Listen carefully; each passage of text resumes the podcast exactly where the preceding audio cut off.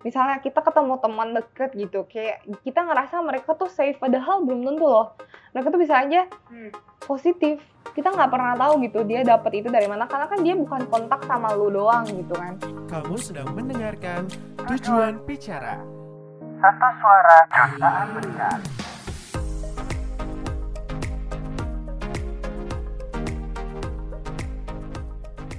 Selamat datang di Momologi. Selamat siang semuanya. Selamat ya, Yeay. audio ini direkam. siang kok ya, sebelum kita mulai, gue pengen kenalin nih co-host pertama di Momologi. Eh, kenalin namanya Jessica. Hai Jess. Halo Jessica. Eh, maksudnya gue Jessica. Jessica, eh, kenapa nih lo eh, jadinya co-host doang nih? Kayaknya lagi sibuk ya?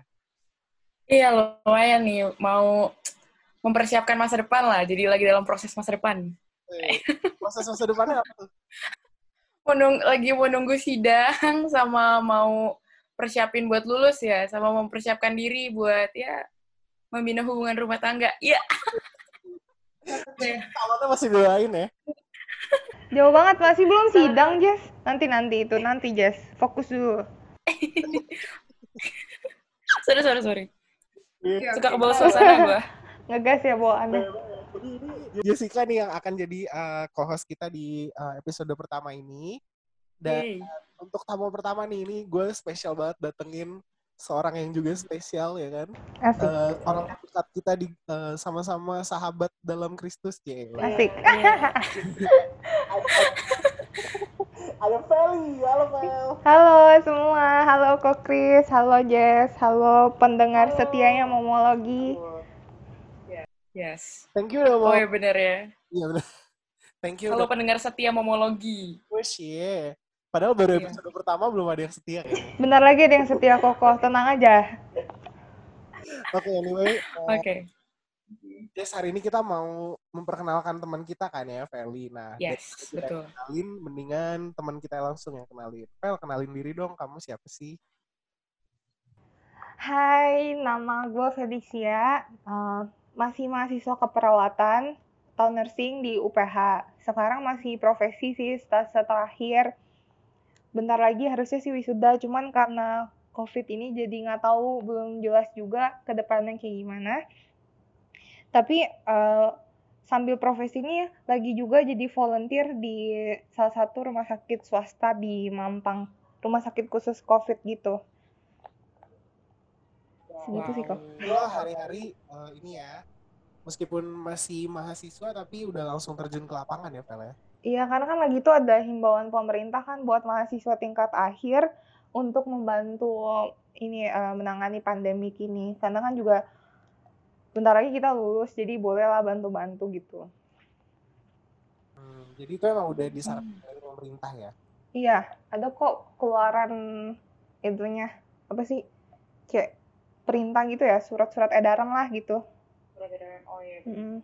Wow. Jadi Anda salah satu orang yang mentaati ya peraturan dari pemerintah gitu ya? Iya, ini juga dibantu sama UPH-nya sendiri sih. Dia emang ngirimin Oh. sekitar 40 mahasiswa font ke rumah sakit khusus COVID. Gitu. Ada juga mahasiswa kedokterannya, cuman gue kurang tahu ya berapa jumlahnya.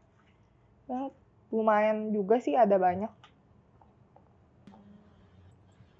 Berarti lu udah jadi apa namanya eh, volunteer di rumah sakit COVID itu udah berapa lama? Mulai dari Maret, eh, April, Mei, Juni, Juli. Udah empat bulan nih. Udah hampir empat bulan. Mm-mm. Wow.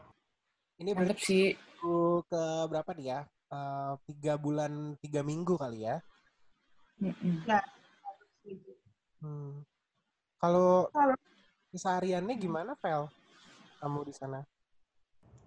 kesehariannya sih sebenarnya masih karena masih profesi masih kerjain tugas dari kampus gitu kan terus juga bareng dinas sih Eh, dinas tuh kayak praktek lah Eh, terus jamnya tuh sama kayak jam perawat gitu terus hmm, prakteknya merawat pasien covid khusus covid gitu walaupun eh, kita kan stasenya sebenarnya banyak nih, ada stasa anak, maternity, jiwa dan lain-lain. Komunitas juga ada.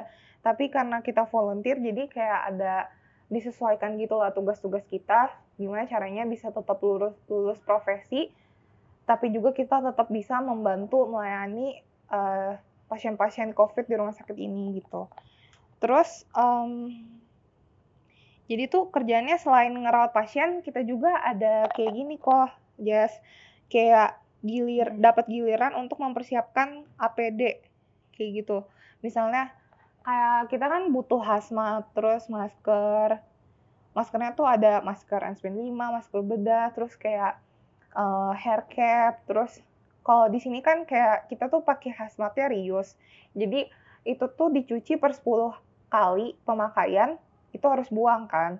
Nah, itu tuh kita yang inventaris kayak gitu-gitu. Terus yang kayak baju scrubnya yang khusus juga kita yang inventaris. Terus eh, kita juga hitung tuh kalau kot- eh, baju-baju kotor kita yang hitung, terus kita yang kayak masukin plastik, terus nanti kasih ke laundry. Pokoknya kita kontaknya tuh sebenarnya ada sama laundry, ada sama farmasi juga buat eh, ambil kayak APD APD sama Pampers dan segala macam. Ya kan karena kita nggak bisa kencing jadi kayak kita pakein Pampers gitu loh buat perawat-perawat yang kerja. Terus sama penyediaan alat-alat lain kayak kebutuhan ruangan juga. Kita jadi kayak perantara gitu dok eh, perantara gitu di red zone sama di eh, blue zone. Jadi kayak kita perantara gitu tapi itu juga kita masih diawasi sih sama duty manager ada namanya duty manager di sini kita di bawah pengawasannya dia gitu Tadi lo udah ngomong red zone sama blue zone tuh. Itu tuh apa, Vel? Gue eh, orang awam nih nggak ngerti nih. jadi di rumah sakit itu kan ini kan covid kita tuh kan mm, bikin area di mana ada yang bersih ada yang kotor lah gitu jadi yang kotor itu kita namainnya red zone kan kita juga kerja ada yang di luar ada yang di dalam nih ada yang secara langsung ada yang tidak langsung.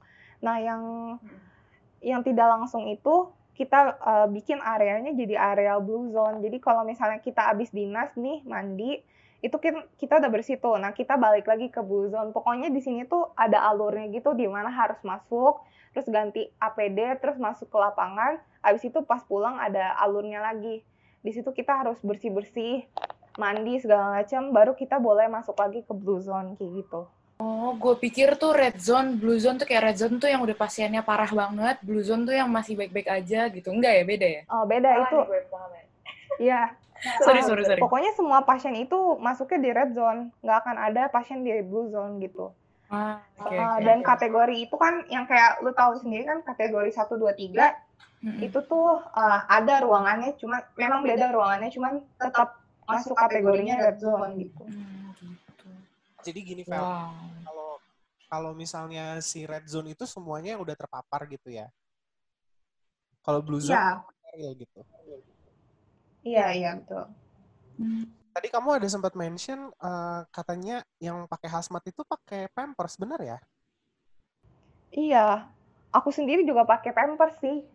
Gue sendiri pakai Pampers karena kan orangnya beseran banget ya. Jadi tuh kalau misalnya apalagi dinas malam susah banget nahan kencing. Kalau misalnya kalau misalnya udah kebelet banget tuh bingung kan daripada kita basah-basah kerja nggak enak ya udah mending pakai Pampers gitu.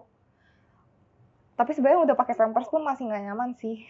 Hmm, jadi kamu kalau misalnya ke toilet dengan eh, kalau lagi pakai baju hazmat itu bener-bener nggak bisa lepas dari baju itu ya? Iya, nggak boleh lepas sih. Kalau nggak masuk lagi dong. Kita udah lindungin, tapi malah kita buka lagi akses dia buat masuk ke tubuh kita gitu. Jadi semua perawat, semua dokter itu pakai Pampers kalau menggunakan baju hazmat gitu ya?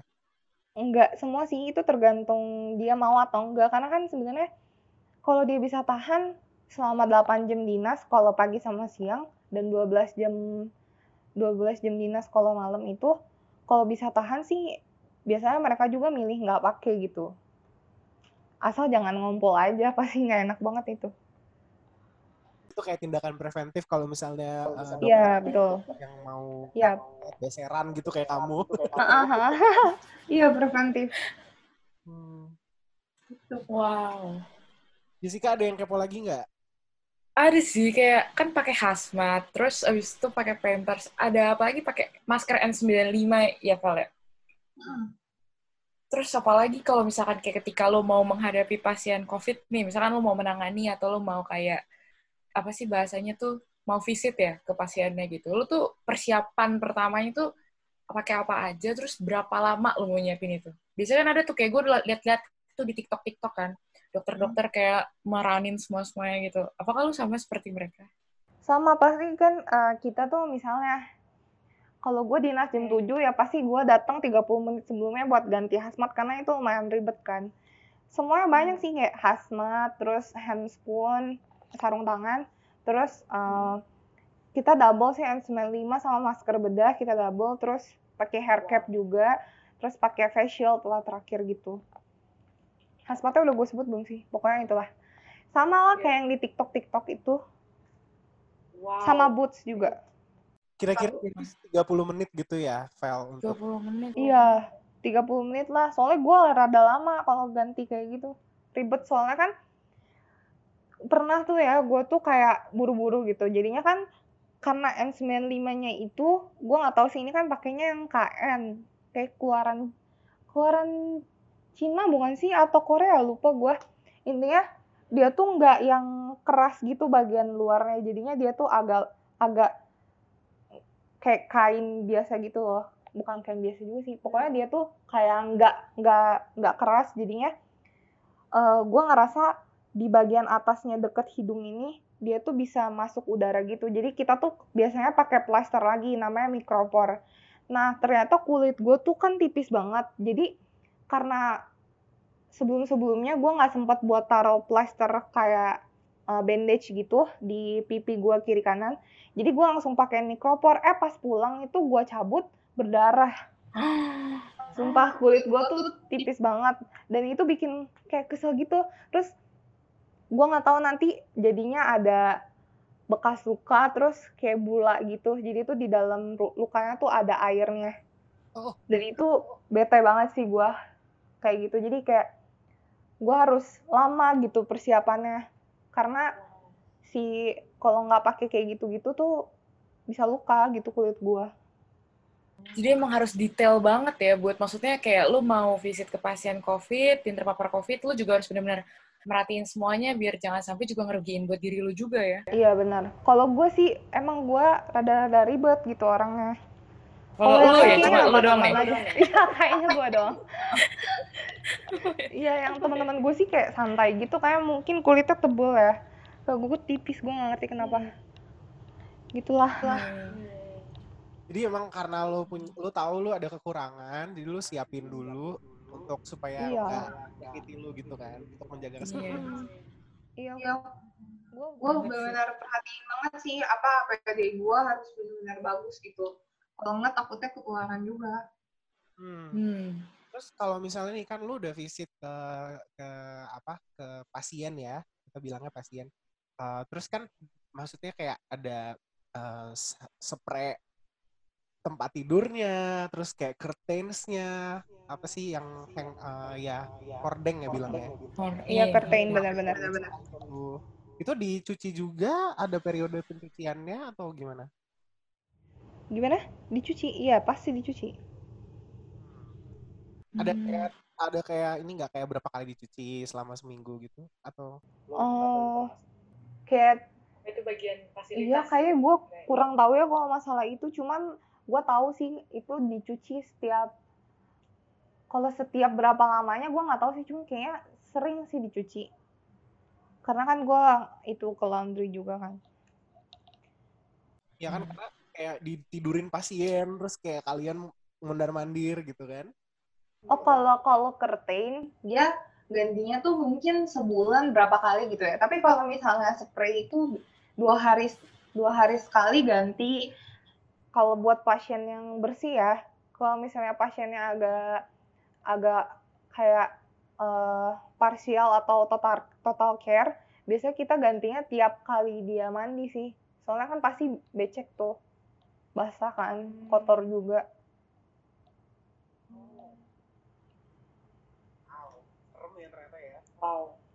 Ini yang sekarang gue lagi pikirin tukang laundrynya sih dia. Nah, ya itu gue gue ya, sorry. Sorry, sorry. Tukang laundry-nya jadi mendadak kaya ya, Jess. Eh, Sama harus juga pakai APD gak sih buat ngurusin itunya ya? harusnya sih gitu sih. Harusnya juga pakai APD soalnya ini kan bekas COVID gitu. Pasti harusnya pakai APD Iya. sih. Cuman gua nggak tahu juga nggak pernah follow up ke laundrynya sih gua. Oh iya. Bukan mungkin bukan ranah lu kali Vel ya. Lu masih harus menangani pasien dulu. Iya, udahlah gua ngurus pasien aja lah. Bukan, ngurusin laundry. lagi. Iya. Oke. Wow. Ini menarik banget sih kok Bentar ya, ini kita dari Feli. Eh, dikasih tahu nih di Zoom kalau ternyata 10 menit itu bakal mati. Nah, eh, kita exit dulu, nanti gue buatin room yang baru, terus kita bisa mulai lagi. Tahan dulu ya, dulu ya. Oke. Ini anggapnya siap. iklan dulu, oke? Oke, iklan iklan. Commercial break. Vel mau nanya deh, yang tadi tuh ini loh, yang eh, baju asmata, kamu pernah lihat gak sih kayak dari pihak rumah sakit nyerahin ke laundry-nya tuh mereka terimanya gimana? Pernah lihat gak? Jadi tuh kayak kita kan bungkusin nih, bungkusin, masukin plastik kuning, taruh di basement. Nah, nanti tukang laundrynya yang ngambil di basement. Udah kita disinfect gitu. Oh, dari rumah sakit udah di, di disinfect, baru di laundry sama mereka gitu. Iya. Kayak laundry menarik banget ya. Iya, itu soalnya kayak ha- hal yang nggak penting, tapi nggak, mas gimana ya, kayak lo nggak akan kepikiran lo, ngerti gak sih? Kayak kalau kalau misalnya nggak ditanya, nggak akan kepikiran, bener gak? Kayak kayak kayak apa ya? Kayak misalnya kita naik busway nih, sebenarnya siapa sih yang ngedesain jalur busway gitu kan? Kalau nggak ditanya, nggak akan ada yang tahu gitu. Iya. Yoi. Kita kayak lewat perspektif orang-orang biasanya fokusnya kayak ke COVID, ke pasiennya dan lain. Tapi kita juga bikin orang laundry-nya gimana ya? Iya, orang yang kayak justru yang kayak eh, yang dekat keseharian kita loh, ngerti gak sih? Kayak Iya. semua orang kan pasti cuci pir, cuci baju ya nggak sih? Semua orang pasti Iya. kayak minum, makan gitu kan. Nah, yang gue mau tanya selanjutnya nih, Vel, itu lu kalau misalnya pakai baju hazmat, minumnya gimana? Makannya gimana? Itu sih nggak bisa ya. Em, jadi kayak kemarin tuh sempat dibikin gitu, ada kayak satu ruangan khusus buat kita makan. Saya bukan makan berat gitu sih, kayak cuma buat ngemil doang gitu. Dan minum kalau emang udah haus banget. Cuman akhirnya sih nggak kepake karena kayak males gitu, soalnya kita tuh harus buka buka handscoon, harus buka masker, dan buka hazmat di bagian kepalanya doang memang sih. Cuman kayak ribet gitu dan mager kayaknya orang-orang tuh jadi kayak ya udahlah tahan aja sampai selesai dinas. Lebih kayak gitu sih. Tapi sumpah ya, Vel, 8 jam loh. Gua kan pernah punya pengalaman kerja di retail nih. Jam kerja gua 8 plus 1. Which is 8 jam kerja, 1 jam istirahat kan. Nah, 8 jamnya itu tuh eh, kalau kalian kan berarti non-stop dong, ya kan? Kalau kayak gua kan kayak 4 jam kerja, 1 jam istirahat, terus sisanya 4 jam lagi gitu kan. Jadi pas enak tuh di tengah-tengah 1 jam istirahat. Nah, kalau kalian kan kayak bener-bener di stretch langsung dari jam dari jam 8 sampai jam 4 gitu kan. Itu udah maksudnya kayak nggak ada waktu untuk kayak duduk, minum, makan. Itu eh, gimana ya? Maksudnya kalian tuh gimana cara untuk menjaga kesehatannya gitu? Kalau misalnya itu setiap hari kayak gitu gitu loh. Kayak kalau lu udah selesai shift nih hari itu, Vel, kan Mm-mm. lu udah 8 jam nih udah nggak makan, nggak minum, terus eh, nggak duduk misalnya. Nah, Mm-mm. eh, abis itu lu apa yang lu lakukan untuk kayak oke gue mesti isti ya kuat lagi untuk tugas besok gitu. Kalau kita sih, kalau gue personally gimana ya?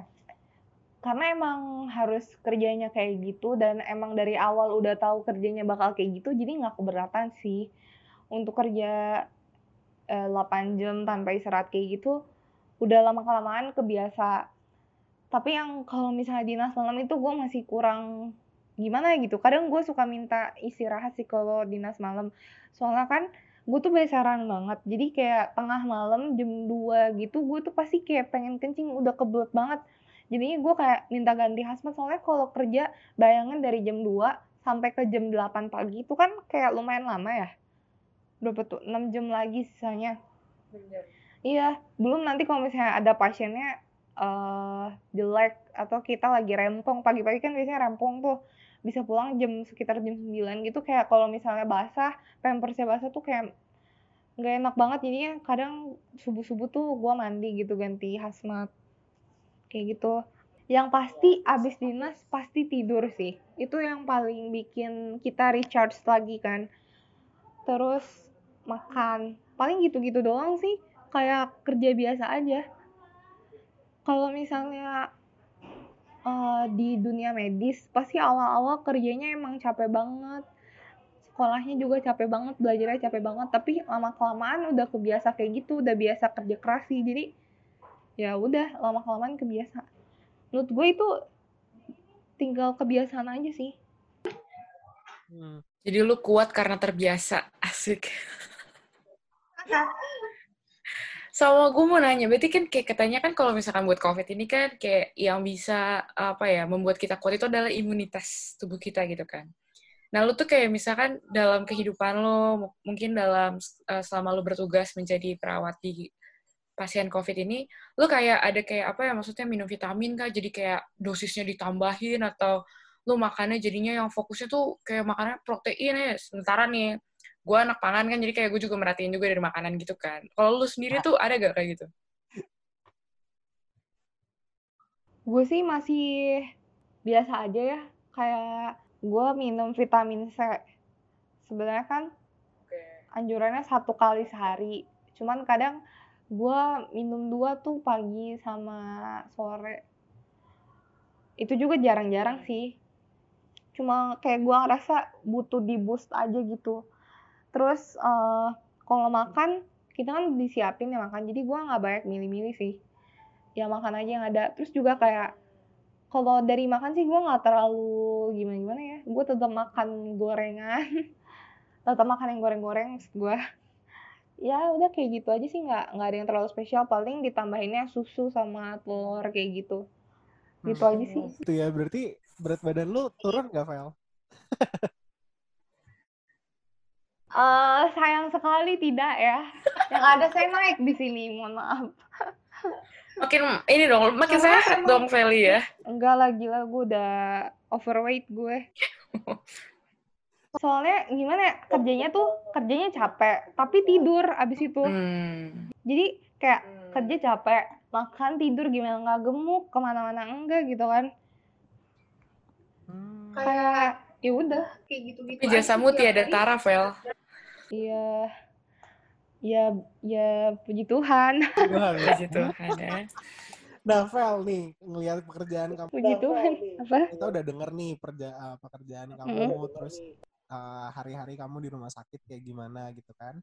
Nah, perasaan kamu sendiri nih, kayak sebenarnya kan kamu bersentuhan langsung sama pasien COVID-nya gitu kan. Mm. Uh, ada perasaan takut nggak sih kalau nanti terpapar gitu? Uh, awalnya sih takut ya waktu pertama-tama cuman kayak ingat lagi tujuannya itu apa fokusnya ke mana tetap buat jadi berkat kan buat orang-orang yang lagi ngalamin kena virus covid ini jadi kayak fokusnya mending di ngerawat pasien aja daripada kita ketakutan gak jelas yang ada kita nggak bisa berpikir dengan jernih dan tidak bisa melakukan pelayanan kita dengan baik. Jadi kayak lebih dikesampingkan aja. Cuman uh, gue tuh lebih ke kayak sama pasiennya tuh kayak ya udah kalau ke pasien itu kalau misalnya gue kena mungkin pertama kurang beruntung kedua kesalahan gue pakai APD kayak gimana ya kan? Tapi terlepas dari itu gue kayak ngelihat kalau ada eh, orang-orang yang nggak sesuai dengan protokol yang bikin orang lain bakal celaka. Nah itu gue biasanya komplain sih. Kayak itu suatu bentuk dari ketakutan gue yang gue ekspresikan dengan komplain gitu. Karena misalnya ada orang yang nggak um, cuci tangannya nggak bener atau kayak gimana dalam uh, protokol melepas APD atau kayak gimana dia buangnya sembarangan atau kayak gimana biasanya itu gue komplain sih. Kayak gitu. Itu itu ya pasti ada rasa takut cuman gimana cara kita handle-nya terus kita gimana cara kita mengekspresikan ketakutan kita itu jangan sampai nggak bisa justru nggak malah jadi nggak bisa produktif gitu. Oh, jadi lu takut tetap ada tapi tetap produktif. Nah, gimana caranya lo untuk um, apa ya maksudnya ketakutannya itu nggak bikin lo jadi cuma stuck di sana, tetap kerja tapi kalau misalkan ada orang yang nggak sesuai dengan ya protokol kesehatan ataupun ya, ya pokoknya dia melanggar, lu jadinya ya maksudnya menegur dia atau lu jadi komplain gitu ya. Tapi tetap semangat dan bekerja keras terus buat pelayanan ini gitu kan ya. Iya. Emang lu jago banget sama Rinya. gue emang suka bikin uh, ini ringkasan jadi oh, emang oh, gitu. Iya, gitu keren keren gitu ya. Suka bikin laporan. Baru selesai ini suka soalnya. laporan, iya baru selesai laporan sidang. Nah, laporan. Iya doain sidang. oke okay, lanjut. Masih suasana sidang dan covid ya guys ya? iya. nah lanjut nih Vel. Uh, mau nanya lagi nih. Kan udah udah kamu kan udah ini nih uh, sudah menyampaikan kalau misalnya uh, bentuk ketakutan kamu itu adalah komplain ya kan? Kayak bukannya komplain untuk kayak selalu selalu juga sih kok. Iya nggak maksudnya kayak uh, bukan komplain yang kayak untuk marahin orang tanpa alasan tapi lebih yang kayak kamu ingin menjaga supaya jangan sampai keteledoran seseorang yeah. itu bisa jadi uh, musibah buat orang lain gitu kan? Hmm, ya. betul. Uh, apa namanya keteledoran itu menurut aku sih uh, yang justru harus dijaga gitu kan karena setiap langkah yang kalian sebagai anak-anak medis lakukan itu kan kayak salah langkah dikit aja mainannya nyawa gitu kan gamblingnya nyawa gitu mm. atau kayak ya hmm. minor minor kayak kalau uh, pneumonia lah minornya gitu kan meskipun itu it's not a good thing juga gitu kan nah uh, melihat konsekuensi yang udah banyak nih yang dari tadi kamu ceritain uh, aku sih sebenarnya lebih penasaran ke respon orang tua kamu nih, Pel. Kayak kamu hmm. kan masih single nih ya kan, masih lajang gitu kan, asik. Iya. masih belum uh, baru mah ya. baru belum ada, maksudnya yeah. aku belum ada tanggung jawab dan belum punya uh, uh, bukan belum punya tanggung jawab, ada tanggung jawabnya, cuma maksudnya belum ada keluarga yang kamu bina sendiri gitu berarti kan kamu masih dalam hmm. uh, tanda kutip di bawah naungan orang tua. Nah, yang aku penasaran tuh kayak respon orang tua hmm. kamu gimana sih pas nggak tahu kayak kamu tuh harus dinasin di uh, rumah sakit itu gitu. Mereka responnya gimana? Awalnya sih nggak setuju gitu, nggak setuju ya. Tapi karena emang siapa sih ya orang tua yang kayak pengen lihat anaknya kayak begitu masuk ke ke tempat virusnya itu berada gitu kan. Pasti mereka juga kayak parno gitu. Karena kan awal-awal emang belum jelas kan kayak ini virusnya kayak gimana sih? Bla bla bla. Emang belum jelas terlalu jelas lagi awal-awal pandemik itu. Tapi gue tuh kayak convince mereka um, ya nggak apa-apa kalau misalnya aku harus uh, terjun ke lapangan buat bantu pandemik ini. Justru bagus gitu daripada ilmu yang aku udah pelajarin tiga setengah tahun tuh kebuang.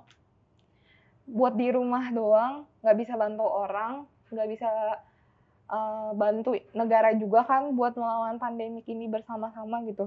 Kayak sayang aja gitu di harus harus ngubur apa yang udah aku pelajarin susah-susah gitu selama ini jadi setelah diomongin kayak gitu akhirnya ya udah mereka setuju aja. Lagian kalau misalnya nggak diizinin nih buat apa? Gue jadi perawat gitu dari awalnya. Mending nggak usah gitu. Ya kan? Pasti emang setiap kerjaan ada resikonya gitu.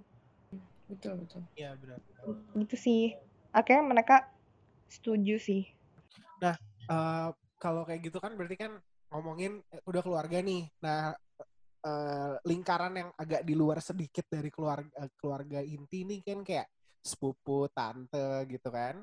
Uh, om uh, kakek nenek. Biasanya kan yang kalau namanya keluarga kan memang peduli saling peduli tapi saling ngomongin juga mm. ya kan. Faktanya. Ngerti gak sih kayak kalau misalnya dalam keluarga sendiri pun yeah, yeah.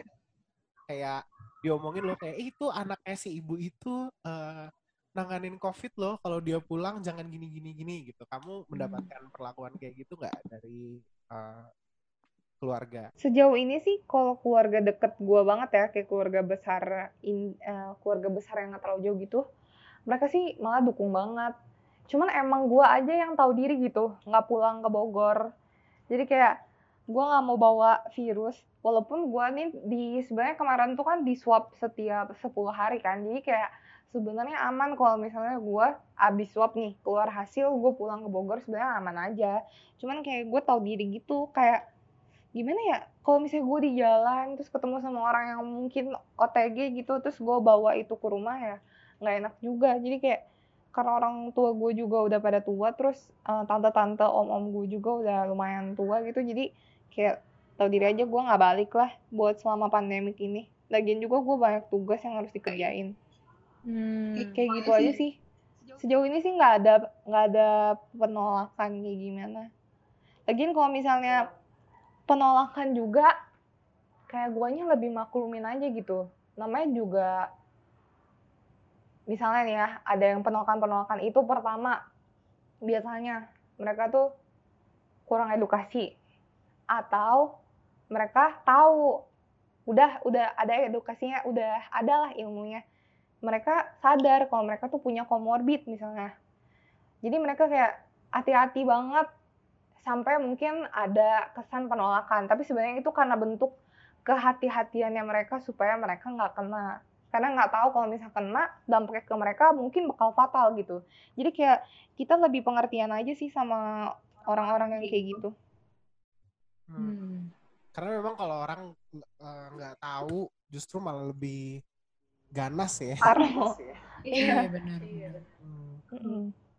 Eh, kan eh, keluarga berarti oke aman ya kan Eh, bersyukur semuanya mendukung Feli dengan eh, baik dan eh, kamu juga eh, ada kedewasaan untuk nggak pulang dan Betul. berusaha menjaga supaya orang tua kamu nggak kena gitu kan Eh, dan Hmm. keluarga juga nah yang eh, jadi pertanyaan selanjutnya adalah eh, teman-teman di sekitar kamu nih yang sama-sama saling melayani di rumah sakit itu eh, kalian kan memang setiap hari langsung bersentuhan dengan pasien COVID kan. Nah, eh, pasti kan ada yang masuk, ada yang enggak tuh ya kan. Kayak ada yang misalnya hari ini kamu masuk, terus teman kamu nggak masuk. Nah, itu eh, kalian kayak tetap menjaga kayak untuk nggak saling ketemu kalau misalnya lagi tugas atau gimana gitu kayak eh, apakah ada teman-teman kamu yang udah terpapar gitu loh dengan virus COVID ini? Um, ada sih teman aku eh, yang udah terpapar, maksudnya dia positif hasil swab PCR-nya ya. Sama ada beberapa senior juga yang udah pernah kayak gitu. Tapi sekarang mereka udah baik-baik aja sih karena di sini tuh nggak ada nggak ada eh, staff staff medis yang turun ke lapangan langsung itu di atas 40 tahun kayaknya nggak ada sih. Karena kan emang itu salah satu faktor faktor pemberat gitu kan buat kalau misalnya dia kena COVID. Jadi eh, kalaupun kena mungkin eh, dampaknya minimal gitu. Jadi kayak sekarang dia kan udah post COVID nih statusnya Eh, bisa bekerja dengan semula lagi, dengan biasa lagi kayak gitu. Ada sih yang udah kena gitu. Mm. Ada nggak sih Oh, jadi udah kena terus Oh. kena lagi gitu? Kalau yang relapse sih belum ada sih, kok. Hmm. Tapi kalau misalkan yang tadi udah kena terus sudah sembuh nih, berarti dia udah bisa kayak eh, dalam dua minggu, ada dalam rentang waktu berapa lama Vel dia udah bisa tugas lagi gitu? Eh, waktu kemarin sih kayak udah udah dinyatakan nih swabnya negatif yang kedua kali, dia tuh bakal langsung dipulangin kan, terus diisolasi dulu. eh kalau nggak salah kemarin tuh tujuh hari gitu deh diisolasi dulu, jangan masuk kerja dulu. Abis setelah tujuh hari itu baru di swab lagi terus kerja deh gitu. Wow, gila sih. Jadi kamu Nggak, swab kalau misalnya udah positif di swab dua kali, kalau udah negatif baru diisolasi gitu. Mm-mm. Isolasinya tujuh hari tadi ya. Iya, nggak salah sih 7 apa sampai 10 hari gitulah, 7 sampai 10 hari. Terus nanti di hari ke-7 di swab lagi kalau udah positif baru bisa kembali bekerja. Dan negatif. Kalau udah negatif. Negatif lagi baru boleh kerja. Mm. Wow, berarti ini bener-bener eh, apa ya? Keamanannya tuh berlayer-layer gitu, berlapis-lapis. Iya. Iya. Gue amazed banget sih. Dia habis kayak udah kena COVID, terus sembuh, terus kerja lagi buat COVID. Wow, ya perawat Indonesia, tenaga medis Indonesia luar biasa ya. Gue kayak masih ternganga-nganga. Ini gue nggak beneran nih, nggak kelihatan juga tetap nganga. Gue juga sebagai uh, juniornya dan teman kerjanya gitu kayak amazed juga sih sama mereka yang kayak tetap mau kerja gitu walaupun mereka udah pernah kenal loh kayak mungkin mostly bakal kayak ah udahlah ngapain gue kerja kayak gini? Gue juga kena juga bro gitu kan. Kayak udahlah pulang aja gitu. Takut relapse lagi itu kayak gimana kan ngeri juga gitu kan. Tapi dia masih mau kerja gitu. Dan keren sih menurut gue orang-orang di sini kayak di gue nggak tahu di mindset tuh udah kayak ya udah gue datang ke sini kayak seolah-olah udah nyerahin nyawa gue aja gitu. Kayak mau kena ya udah nggak kena ya puji Tuhan banget gitu. Kayak kalau kena pun kayak udah dari awal tuh kita udah tahu loh kamu resikonya kena loh gitu loh. Jadi kayak sekalipun kena ya ya udah. Kalau masih bisa dikasih hidup sama Tuhan ya udah. Kita tetap jalanin tapi kalau misalnya udah enggak juga ya udah gitu. Tapi kamu sampai di titik seberserah itu menurut gua orang-orang di sini. Wow. Luar biasa sih. Kalau misalnya apa ya eh, kata-kata yang kayak gitu tuh berarti kalian tuh udah melalui banyak hal ya- bareng-bareng gitu ya sampai udah kayak punya kayak kesatuan gitu kayak udah deh gue kalau kalau kena gue kena kalau gue mati gue mati gitu ya.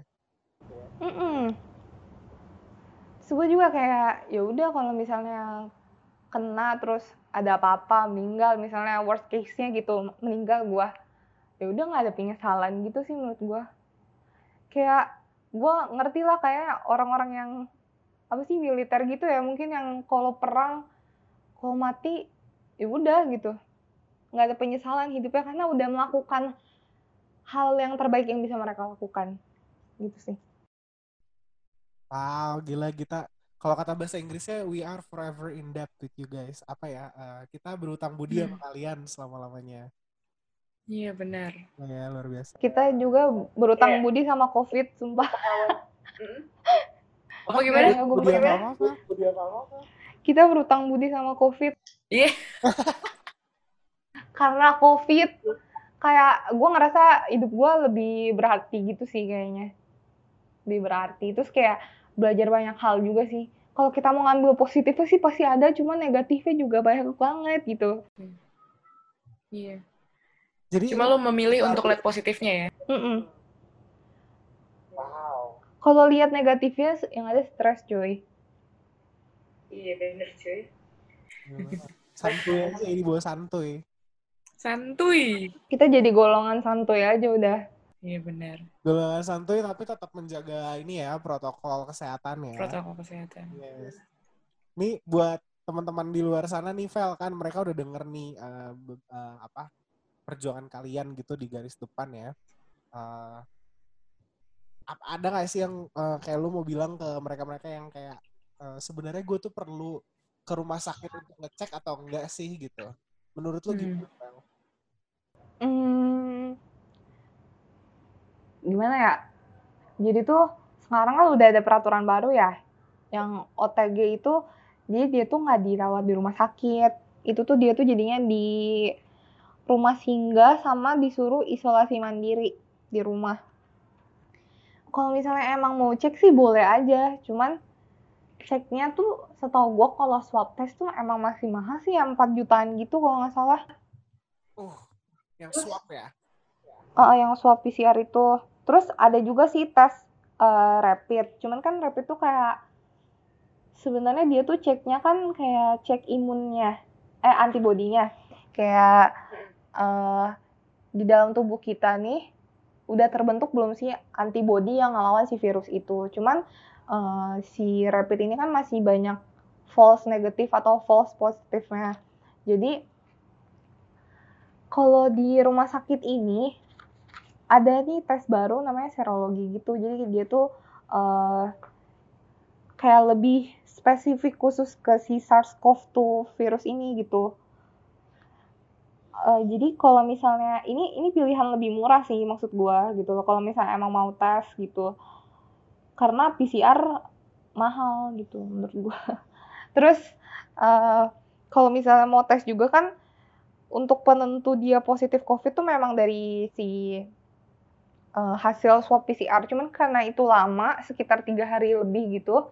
Jadi biasanya di CT scan toraks dulu kan, itu juga mahal CT scan toraksnya jutaan ya, 1 sampai 2 juta atau sampai 3 juta, gue lupa juga harganya. Pokoknya segituan. Nah, kalau misalnya ada duit sih ya sah-sah aja gitu menurut gue. Kalau ada duit mah tes mah tes aja gitu kalau misalnya apa opsi yang paling murah tadi apa Vel?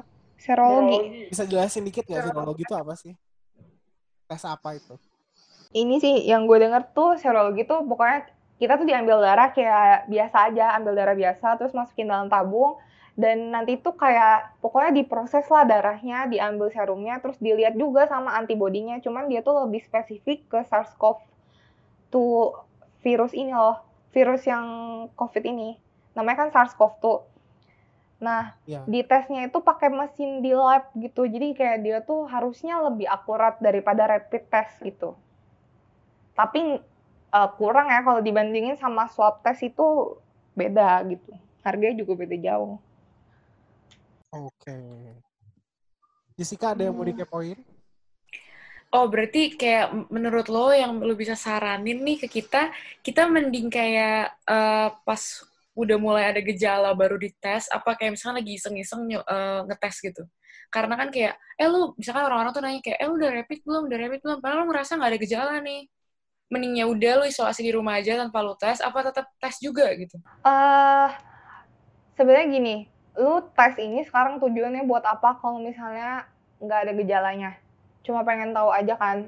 Ya kalau pengen tahu terus ada duitnya boleh aja tes. Tapi kalau misalnya lu uh, sebenarnya walaupun lu tanpa gejala lu masih mungkin buat positif gitu. Jadi lebih baik untuk menghindarkan lu menularkan sama orang lain. Karena lu kan sendiri nggak ada gejala nih lu tunggu aja uh, masa inkubasinya 7 sampai 10 hari habis itu ya lu lihat masih ada atau enggak gejalanya atau emang si imunitas tubuh lu tuh bagus buat ngelawan si virus itu kan. Jadi selama waktu lu isolasi diri itu, lu pakai masker lah. Karena lu care sama orang di sekitar lu gitu. Jadi daripada uh, tes ketika lu nggak ada gejala, mending lu pakai masker aja gitu. Dan uh, kalau misalnya ada gejala, menurut gua itu periksain aja nggak apa-apa. Kalau emang ada gejala kayak demam, Terus uh, diare ya, ada juga beberapa yang kasusnya dia gejalanya tuh diare, terus uh, apa lagi ya? Ya kayak gejala-gejala yang ada di internet lah itu udah bener. terus um, kalau ada gejala sih ya baiknya sih diperiksain aja. Apalagi kalau demamnya udah tinggi banget itu pasti harus ke rumah sakit lah kalau udah kayak gitu. Wow. Oh. Gue udah makin kayak teredukasi banget sih ini dari di Castle Valley. Iya. Bener banget. Tapi yang menarik yang pengen gue garis bawahin itu tadi uh, lo pakai masker tuh bukan karena lo mau ngelindungin diri sendiri, tapi lo care sama orang lain. Meskipun lo nggak punya gejala, lo harus tetap pakai masker karena meskipun lo nggak ada gejala nih, lo bisa aja nularin ke orang lain gitu kan. Bener, bukan begitu kah, Feli? Betul, betul. Betul, betul.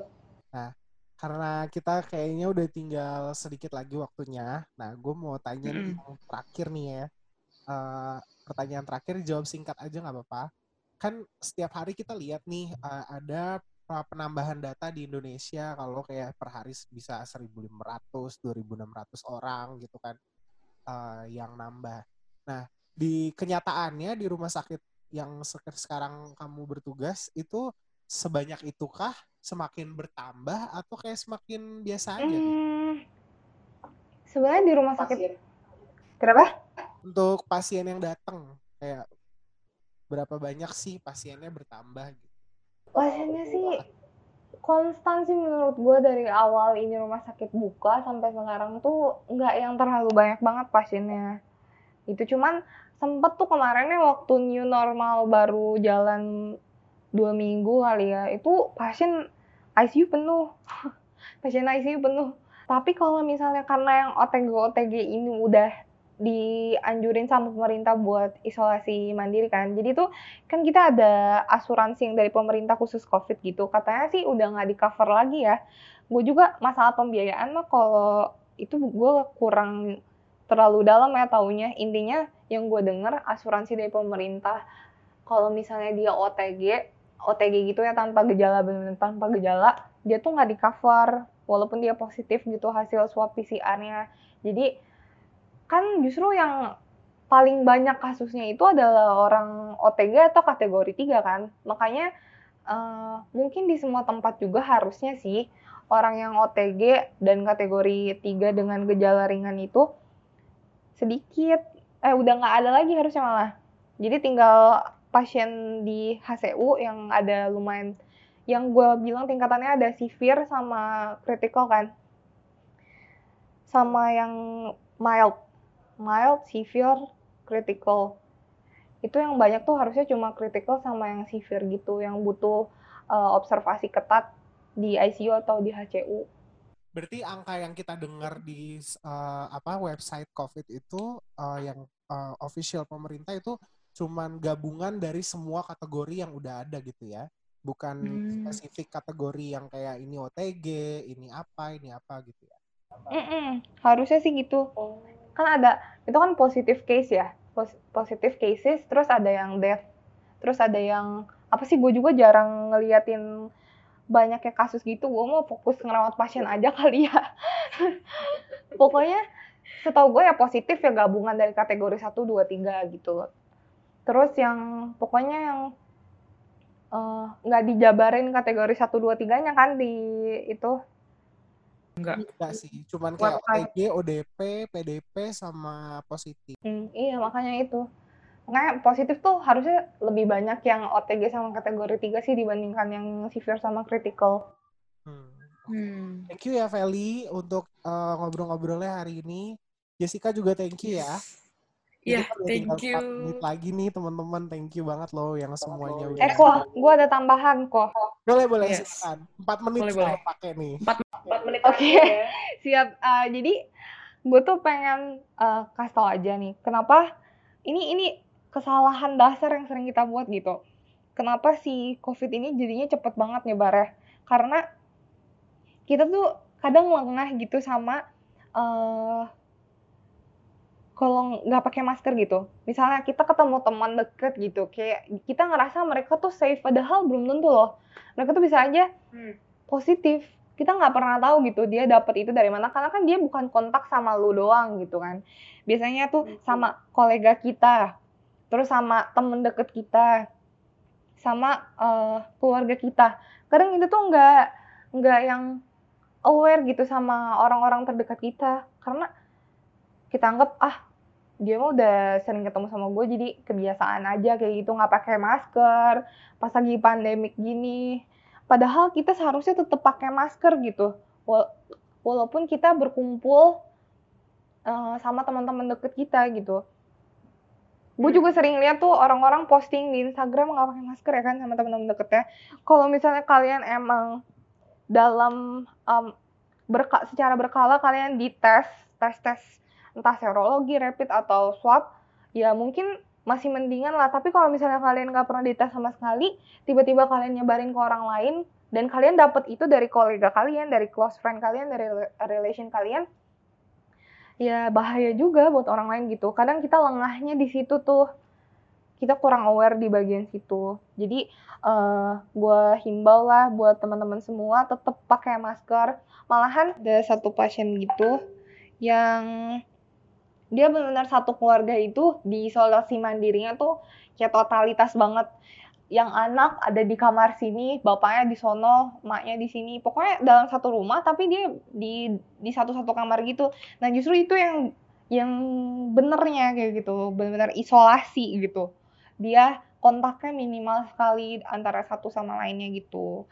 Jadi emang itu yang ekstrimnya sih tapi itu yang benar jadi kayak minimal kalian pakai masker gitu pas ngomong supaya nggak saling nularin gitu loh jadi di situ aja sih gue pesan-pesannya. Berarti kayak meskipun uh, lo sedang berinteraksi dengan teman, bukan berarti teman lo itu uh, terluput dari COVID gitu ya? iya nggak pernah tahu kan? Atau mungkin kita yang positif terus kita mau nularin ke teman kita kan kasihan juga gitu kan. Jadi lebih aware lah ke hal-hal kecil kayak gitu gitu Benar-benar. Jadi new normal ini bukan berarti kita udah normal kayak biasanya sebelum ada COVID, malah kita harus menjadi ya pribadi yang lebih peduli lagi gak sih sama diri kita, sama orang lain gitu. Bukan jadi kita yang dulu, malah sekarang kita harus perbaiki diri kita. Dengan lo bilang tadi kayak pakai masker, terus um, minimal kontak sama orang. Kalau menurut gue tuh ya, gue kayak juga pengen cerita kayak gue tuh sudah menerapkan protokol kesehatan gue tidak keluar selama hampir empat bulan di rumah aja Wow. Uh, dan kayak gue bener-bener karena gue takut banget apalagi dari WHO kan ya Vel Hmm. uh, Kokris uh, itu tuh udah dibilang kayak ada COVID udah lewat airborne dan gue makin serem lagi dong di udara loh sekarang dia udah ada gitu kan terus orang-orang yang di kita ketemuin juga belum tentu uh, maksudnya dia tuh yang kata Feli bilang tadi lah gitu belum tentu dia baik buat kita adanya dan kita baik buat dia adanya tuh enggak gitu. Jadi gue tuh pengen banget gitu maksudnya dari gue sendiri aja empat bulan di rumah itu nggak bikin kita ini kok nggak bikin kita tersiksa.